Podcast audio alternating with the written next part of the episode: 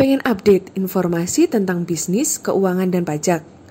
Dengerin terus Ngontan Podcast, ngobrol bareng konsultan by The Consulting. Jangan lupa dengerin kita tiap hari Rabu dan Sabtu ya. So, stay tune terus.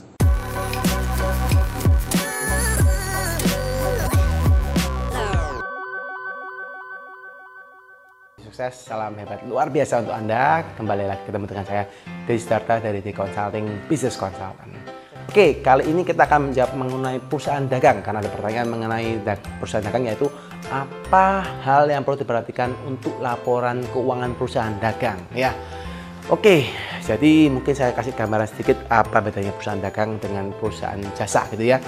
Kalau perusahaan dagang, otomatis Anda memiliki perusahaan di mana Anda melakukan transaksi pembelian dan akan Anda melakukan transaksi penjualan. Jadi Anda memiliki barang yang ditradingkan, dibeli dan dijual. Ya, sedangkan apabila Anda perusahaan jasa, Anda tidak memiliki barang, Anda tinggal melakukan penjualan berdasarkan kemampuan kita mendeliverkan jasa atau servis. Misalnya kita menjualkan uh, servis uh, tenaga kerja, misalnya contoh kita sebagai jasa cleaning service, jasa satpam itu jasa gitu ya.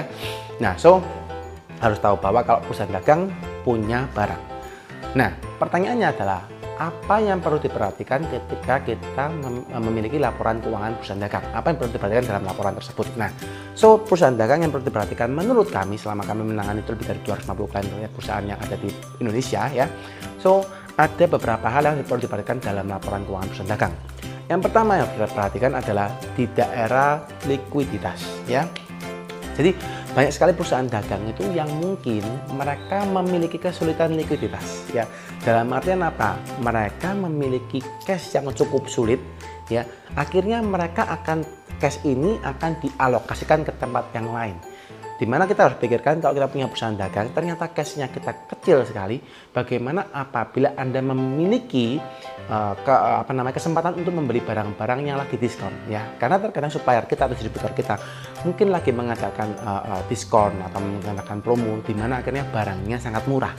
Ya, saat itu kalau kita nggak memiliki cash ini cukup sulit karena kemampuan kita membayar akan susah. Ya, jadi perhatikan pertama adalah kita memiliki cash management seperti apa. Yang kedua juga harus diperhatikan adalah Meskipun memang perusahaan dagang adalah bergerak membeli dan menjual, jangan sampai barang yang ada di tempat kita. Jadi ini yang kedua adalah faktor daripada persediaan. Jadi jangan sampai barang yang dimiliki di perusahaan kita terlalu over, ya. Bahasanya gini, kita memiliki barang yang baru terjual mungkin dua tahun lalu dan cukup jumlahnya cukup banyak. Bayangkan, kalau Anda memiliki barang yang cukup banyak dan Anda jualnya masih lama, saya yakin dan percaya perusahaan Anda kemungkinan besar akan berhutang ya atau mungkin perusahaan Anda akan memiliki likuiditas yang cukup susah. Ya, karena apa? Karena mungkin Anda banyak apa barangnya, uangnya tidak ada, mau beli barang lagi tidak bisa atau beli barang bisa, tapi Anda berhutang lagi mungkin ke bank atau ke pihak ketiga. So, yang kedua, perhatikan faktor daripada persediaan ya. Yang ketiga, perhatikan juga faktor piutang Ya, jadi kalau Anda lihat laporan keuangan, Anda perhatikan uh, uh, piutang juga jangan sesangat lupakan. Kenapa kok piutang? Seperti ini. Jadi kalau misalnya Anda memiliki uh, uh, uh, penjualan bagus ya, mungkin kita sebagai pengusaha kita mikir, oh kita harus berjualan, berjualan, berjualan gitu ya. Laporan keuangan bagus ya, laporan laba rugi bagus ya, omset bagus, laba ruginya pun profitnya bagus, marginnya besar ya. Tapi yang terjadi adalah piutangnya lama. Ya bayangkan kalau anda mempunyai piutang lama. Tahu ya piutang ya? Piutang itu adalah anda menjual kepada orang kepada customer anda dan customer anda belum bayar. Berarti mereka hutang kepada anda anda punya piutang kepada mereka. Nah so kalau anda punya piutang yang jumlahnya besar otomatis anda nggak akan bisa liquid. Anda mau nagih, mereka belum bisa bayar, Anda terpaksa akan berhutang lagi kepada pihak lain. Jadi kalau Anda sebagai perusahaan dagang, jangan memberikan hutang yang terlalu lama ya. Coba cari cara bagaimana Anda bisa mereduce supaya Anda bisa memberikan hutang yang cukup lebih kecil. Jadi hutangnya jangan terlalu panjang ya. Kadang kita perlu namanya credit limit. Jadi setiap customer itu punya namanya credit limit ya.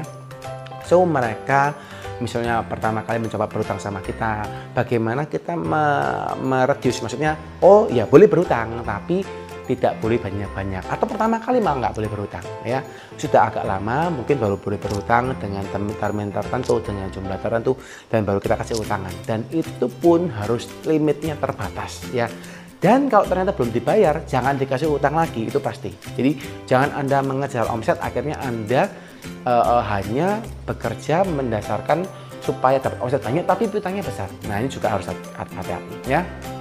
Setelah itu satu dua tiga. Ya yang keempat apa?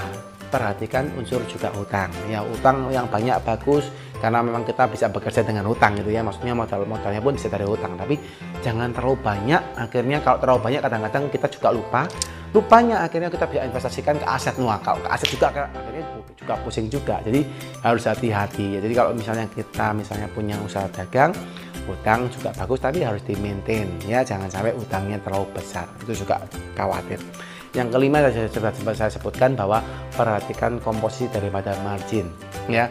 Usaha dagang yang pertama dilihat adalah margin kotor atau gross profit. Dapatnya dari mana? Dari harga beli dibandingkan dengan harga jual selisihnya adalah margin kotor anda. Jadi kalau anda misalnya memiliki usaha dagang dan margin kotor anda kecil berarti pastikan omset anda besar tapi kalau misalnya margin Anda besar, oke okay, masih agak lumayan gitu ya, masih bisa di cover dengan macam-macam. Tapi juga harus perhatikan unsur omset. Dan akhirnya ketemu dari uh, laba uh, gross profit, ketemu lagi kekurangan, kurangin lagi biaya, pastikan bahwa uh, net profit Anda cukup untuk memenuhi kebutuhan opsional Anda. Ya jangan jangan sampai ketika Anda sudah memberikan lain ternyata net profitnya nggak net nggak nggak profit tapi ternyata rugi ya so 5 tips ini semoga bisa bermanfaat untuk Anda sebagai orang yang berusaha di perusahaan dagang dan semoga bisa diterapkan untuk usaha Anda. Ya, sekian video ini, salam sukses untuk Anda.